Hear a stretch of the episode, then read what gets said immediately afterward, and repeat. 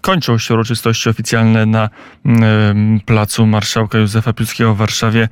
Prezydent będzie występował dzisiaj tylko raz o godzinie 14, otwierając defiladę wojskową Święto Wojska mm, Polskiego. To teraz czas na rozmowę z żołnierzem. Generał Bogusław Sambol, naszym gościem. Dzień dobry, panie generale. Dzień dobry panie redaktorze, dzień dobry państwu. Wszystkiego najlepszego z, z okazji Święta Wojska mm, Polskiego. Święto w tym roku jakie dla wojska jest? Dziękuję bardzo za życzenia, a święto dzisiaj, a praktycznie cały rok jest bardzo e, wymagający w stosunku do naszych żołnierzy, ale też i bardzo ciekawy ze względu na proces modernizacji, rozbudowy sił zbrojnych. Jest to ciekawe, ale też e, są zapowiedzi, bo to święto to nie tylko mm, obchody rocznicowe, nie tylko słowa uznania, ale także e, konkretne e, decyzje, wprowadzenie zmian w systemie kierowania i dowodzenia siłami zbrojnymi. To wczoraj zapowiedział prezydent Andrzej Duda. Jak pan generał te zmiany odczytuje? Praktycznie po 2014 roku, kiedy z góry zakładaliśmy, że ten system, który do dzisiaj z niewielkimi poprawkami funkcjonuje w siłach zbrojnych, jest nieefektywny i szkodliwy dla sił zbrojnych, a w tym wypadku dla bezpieczeństwa państwa polskiego. I mam nadzieję, że wyciągnięto wnioski po kilku latach funkcjonowania tego systemu. Ostatnie chociażby wydarzenia miały to między innymi też pokazały, że nie do końca ten system dobrze funkcjonuje. Mówimy tutaj o tych rakietach różnego rodzaju, ingerencjach przestrzeni powietrznej ze strony Ukrainy, przepraszam, ze strony Białorusi. To wszystko jest między innymi spowodowane też y, słabością tego systemu dowodzenia, o którym kilkakrotnie y, mówiłem i podnosiłem głos, za co byłem często krytykowany, jak również w tym sensie atakowany przez byłych generałów, emerytowanych generałów. System bezwzględnie musi być zmieniony musi wrócić zasad, y, teoria sztuki wojennej, a więc musi być poziom strategiczny, musi być poziom operacyjny, poziom taktyczny.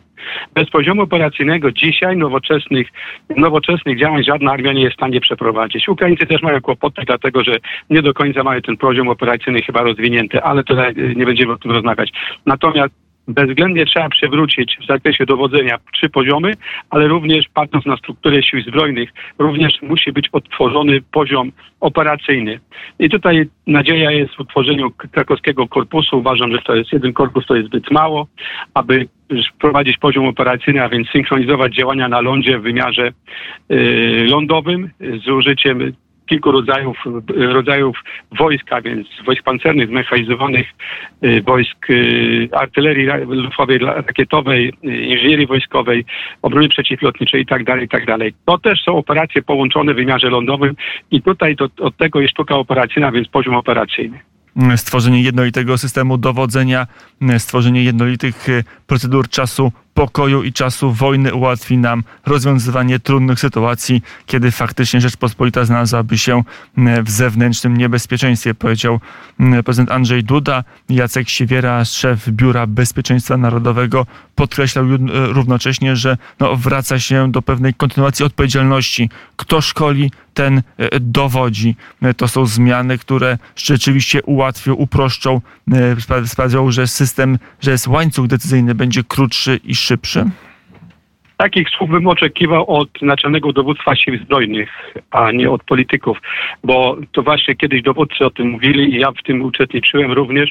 Dowodzisz, szkolisz, odpowiadasz, a więc w czasie pokoju, zgodnie z zasadą jednoosobowej odpowiedzialności, za przygotowanie wojsk do wojny odpowiada ta sama osoba, ten sam dowództwa, dowódca. I to musi być spełnione.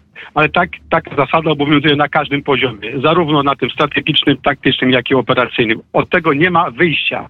Jeżeli ktoś y, powtarza takie y, ogólniki, y, często mówiąc, używając tego hasła i nie rozumiejąc go, nie zbuduje dobrego systemu dowodzenia, bo uważam, ten system dowodzenia, który był proponowany w 2017 roku w wyniku prac strategicznego przeglądu obronnego był adekwatny do obecnej sytuacji, którą dzisiaj mamy. On mógł współdziałać również z sojuszem z dowództwem, system, systemem dowodzenia NATO i dzisiaj, kiedy system dowodzenia NATO jest w pewnym sensie zmieniany, o czym jest bardzo mało informacji, ja uważam, że dobrze, to nasz system dowodzenia również powinien być dopasowany do tego i na czas wojny, w czasie pokoju, w zakresie szkolenia powinien być obowiązywać ten sam system, co na czas wojny. Oczywiście nie da się w czasie pokoju utrzymać wszystkich struktur, które są potrzebne w systemie dowodzenia na czas wojny, dlatego że masa oficerów, bardzo dużo oficerów byłaby bez pracy. W związku z tym nie do końca się zgadzam z wypowiedziami z otoczenia pana prezydenta, że musi być ta sama struktura czasu pokoju, czasu wojny. Niestety,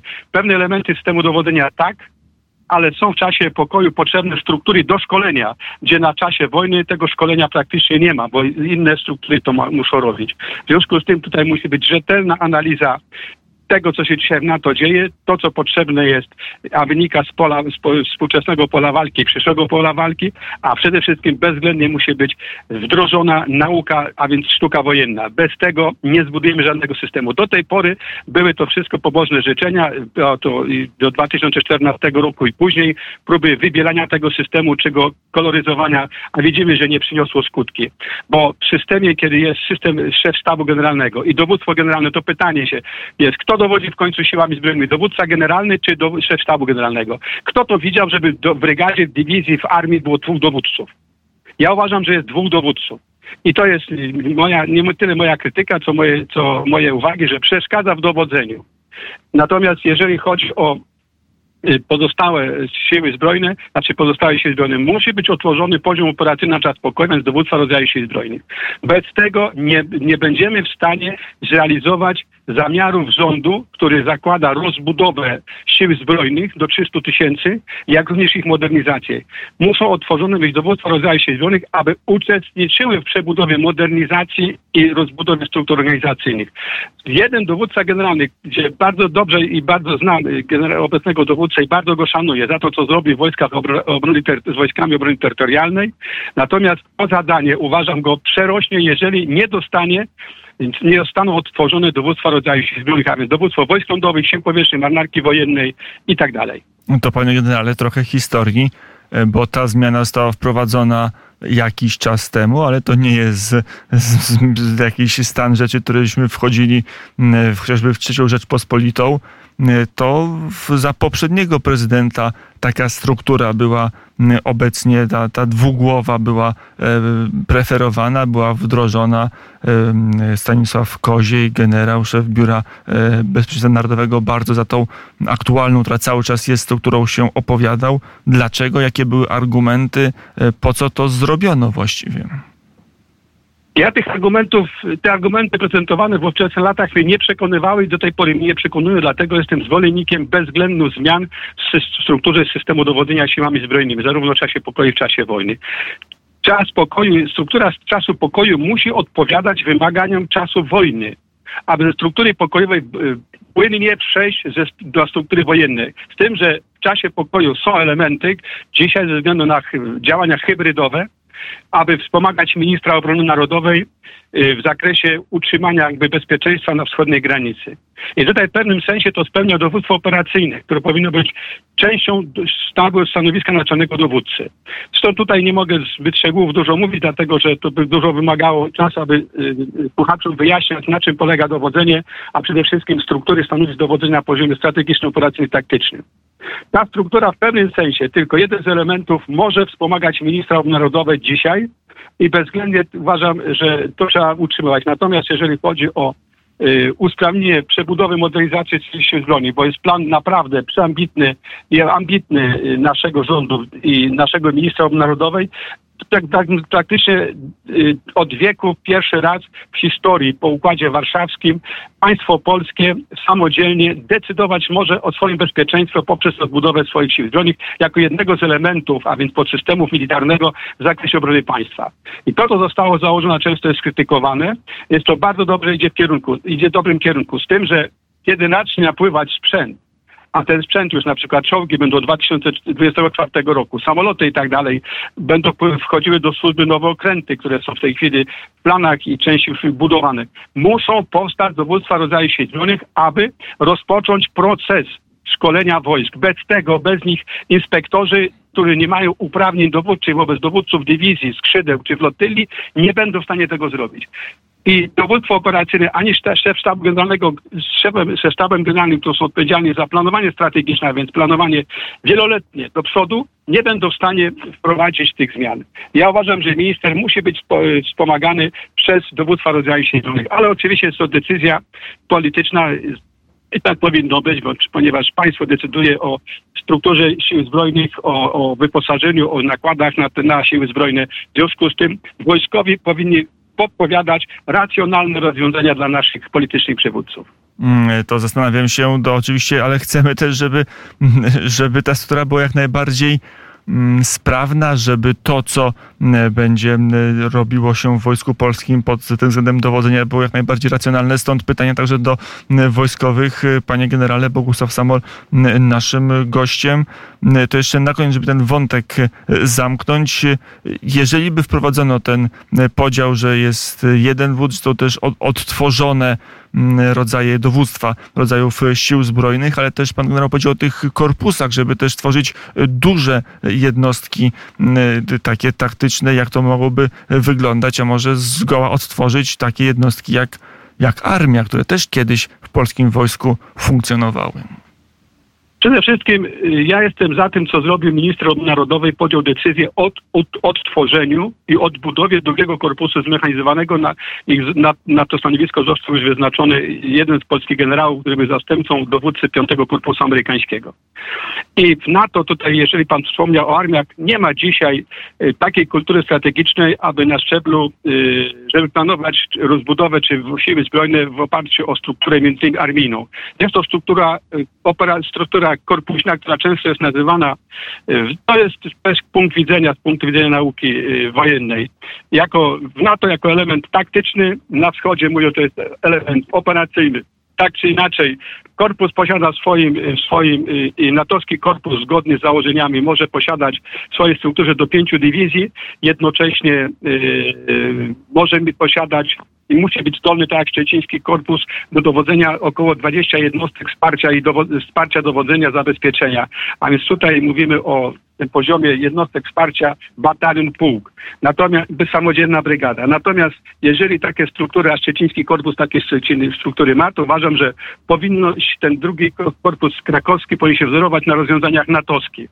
Natomiast dlaczego mówię o ilości korpusów? Dlatego, że trzeba rozpatrywać obszar Polski pod względem strategicznym i operacyjnym, kierunkiem potencjalnych działań strony rosyjskiej, a więc możliwych uderzeń operacyjnych, a więc tutaj mówimy o kierunku Grodno-Białystok, w kierunku Warszawy, o tak zwana brama pruska, Królewiec na Warszawę, jak również z kierunku przejścia w kierunku Warszawy. A więc Warszawa jest to ten centrum, gdzie będą się skupiały główne uderzenia rosyjskie w, pot, w, potencjalnym konflikcie zbrojnym z Rosją. W związku z tym na tych kierunkach powinny być jednostki typu korpus, które mogą zorganizować obronę trwałą, jak również głęboko użytowaną.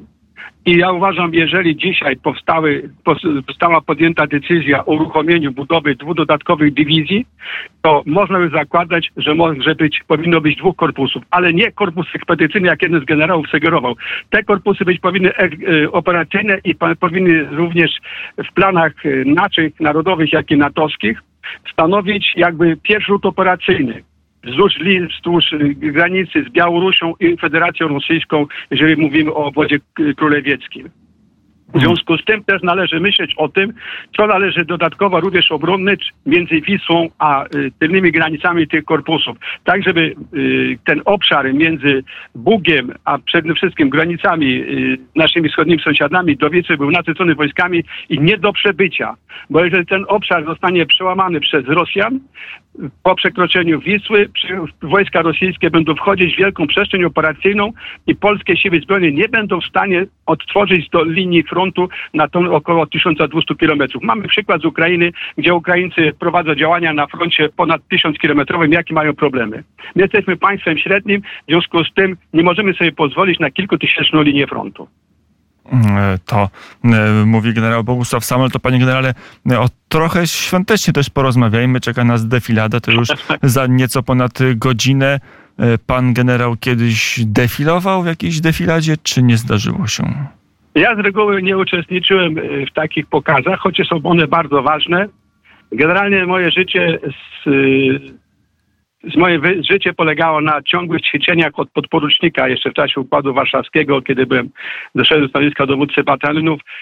Generalnie byłem oficerem polowym i nie miałem przyjemności brać udziału w defiladach. To nie znaczy, że y, ja to krytykuję absolutnie. Dzisiejsza defilada jest przede wszystkim pokazem y, ze strony rządu i państwa dla społeczeństwa, na co idą pieniądze. Ja uważam, że to powinno być robione, mimo że to często jest krytykowane. Po drugie też jest to element odstraszania potencjalnego agresora, że Polska nie śpi, Polska przygotowuje się do potencjalnych, do potencjalnej agresji. Poza tym społeczeństwo, jeszcze raz powtarzam, powinno wiedzieć i widzieć i mieć zaufanie do wojska, aby spokojnie mógł, mógł, móc pracować nad swoim dobrobytem, jak również dobrobytem naszej Polski. Mm, e, jeszcze jakie mogą być wrażenia dla samych żołnierzy, no bo to e, każdy z nas może być widzem, albo pewnie e, duża część z nas kiedyś jakąś defiladę albo paradę wojskową obserwowało. A jakie są wrażenia żołnierzy? Przede wszystkim trzeba pokazać i to y, to prawda na niższym poziomie, bo nie do końca jest prawda, że nie uczestniczyłem w defiladach. Oczywiście na terenie jednostek czy w dywizji uczestniczyłem swoimi żołnierzami, idąc na czele kompanii, czy później batalionu, a nawet brygady. Oczywiście to jest duma, że za dowódcą idą serca żołnierskie, ale to od niego zależy, jak te serca za nim będą szły. Jest to duma ze z wyszkolenia, z jedności i siły. I oficer, żołnierz, który idzie w szyku z kolegami, ma do nich zaufanie i czuje się przygotowany do wykonywania zadań. Ja uważam, że to jest przeżycie dla każdego żołnierza, zwłaszcza jeżeli w dzisiejszej defiladzie będą uczestniczyli oficerowie, podoficerowie i szeregowcy, będą obserwowali również przez własne rodziny, przez małżonki, nawet część, czy część, większość społeczeństwa będzie to widziało w telewizji, ale żołnierze napawa duma, że y, pokazuje się z tej najlepszej strony, że pieniądze, które państwo y, wydziela na utrzymanie sił zbrojnych, na jego wyszkolenie, nie idą na marne, bo pokazuje swoje efekty pracy, bo na co dzień my tego nie możemy robić. Przy, przy, tak jak w przypadku moich, nie mogłem tego robić dzisiaj, kiedy jestem dyrektorem Instytutu Strategii Wojskowej i jestem kierownikiem studiów polityki, studiów podyplomowych studiów polityki obronnej. Staram się jak najwięcej przekazać informacji, wiedzy, doświadczeń moim młodszym kolegom, pułkownikom, a paru z nich dzisiaj generalnie większość tych oficerów mianowanych na stopnie, y, pierwsze stopnie generalskie, ale też jest tam chyba trzech, między innymi szef inspektoratu y, wsparcia, byli moimi słuchaczami, byli to doskonali oficerowie. Uważam, że minister narodowej, który do, pomimo krytyk z różnych stron Y, odnośnie doboru stanowisk rzekomych upolityczniania jest nieprawda. Do ministerstwa w tej chwili dobiera dobrych kandydatów do stopni generalskich. Szanowni Państwo, zapewniam Państwa, bo dlatego, że kiedy w ciągu roku kształcimy około 24 oficerów, no to oficerowie sprawdzeni przede wszystkim lojalnie wobec państwa polskiego, dobrze wykształceni już po studiach też część taktycznych na zachodzie, znających języki, znających nową rzeczywistość. To są oficerowie, na których postawiło dzisiaj kierownictwo państwa, a więc Ministerstwo Narodowej. Ja uważam, że to, co robi minister Błaszczak w zakresie doboru kadr dowódczo-sztabowych, to jest jak najbardziej prawidłowa droga, a troszeczkę to, to znam, a nie, a nie powiem tego mówić publicznie, a mogę tylko chwalić. Nie dlatego, że jestem w Akademii Sztuki Wojennej, bo dzisiaj jestem emerytuję ze względu na swój wiek, a nawet stan zdrowia. Mogę, mogę być nawet z różnego powodu, muszę mogę odejść, ale tak długo, jak będę mógł przekazywać informacje, wiedzę, o Rosjanach, bo taką wiedzę posiadam, jak również o NATO, bo w NATO spędziłem i na czas jeden rok na wojnie, jak również e, na różnych stanowiskach służbowych w systemie dowodzenia natowskiego, w strukturze sił zbrojnych e, e, NATO, to ta wiedza widzę dzisiaj jest bardzo dobrze prezentowana przez oficerów. Y, także jestem dumny z tych oficerów, którzy dzisiaj są promowani do kolejnych stopni wojskowych i na stopnie generalskie i na kolejne stopnie generalskie. Między innymi dzisiejszy zastępca dowódcy komponentu obrony w cyberprzestrzeni jest awansowany. Prymus naszych studiów, y, podyplomowych studiów polityki obronnej, a więc widzimy, że dzisiaj kadra oficerska, generalska jest to nowe pokolenie. I ja się cieszę, że są mądrzejsi ode mnie, bardziej wykształceni, może w sensie nie do tyle doświadczenia, co znający bardziej świat. Mieli możliwość już od stopnia porucznika, kapitana wędrować po świecie, poznawać nowe życie, jak również poznawać inne armie. I to po prostu będzie procentowało dla sił zbrojnych. A jeżeli wracamy jeszcze na chwilę, jeszcze pan redaktor mi pozwoli, powrócić do systemu dowodzenia. System dowodzenia to nie tylko struktura jego komórki organizacyjne. System dowodzenia to jest właściwy dobór kadr dowódczo-sztabowych, właściwie wykształconych, wyszkolonych, którzy odbywają ćwiczenia na wszystkich poziomach, na poziomie taktycznym, a więc do, do stopnia dowódcy, do poziomu dowódcy dywizji, na szczeblu operacyjnym jako dowódca korpusu i powinni brać później udział na szczeblu strategicznym. Nawet jako szef sztabu, czy tak jak w naszym przypadku, w przypadku Polski, naczelny dowódca również powinien prowadzić ćwiczenia ze sobą, wykorzystując sztab, jak również ćwiczenia natowskie, po to, żeby szkolić i zgrywać system dowodzenia. To wtedy możemy mówić o efektywności. Natomiast dodatkowa sprawa, wyposażenie systemu dowodzenia w techniczne środki łączności dowodzenia to jest kolejny obszar, który dzisiaj się bardzo dużo zmienił. Polsce idzie na korzyść, idzie jego rozbudowa. W związku z tym, jeżeli dojdzie do zmian struktur w systemie dowodzenia i wprowadzone zostaną zasady sztuki wojennej, a więc między innymi jednoosobowe dowodzenie, o czym omówię, poziomy, poziom operac- strategiczny, operacyjny i taktyczny, Sądzę, że w wyniku szkolenia kadr dowódczo-sztabowych, przeprowadzonych szeregu ćwiczeń dowódczych w perspektywie dwóch, trzech lat, jesteśmy w stanie zbudować nowoczesny wojenny system dowodzenia siłami zbrojnymi, adekwatny do wyz- wyzwań, jakie przed nami stoją przed siłami zbrojnymi. O czym mówił generał Bogusław Samol. Panie generale, dziękuję bardzo za rozmowę.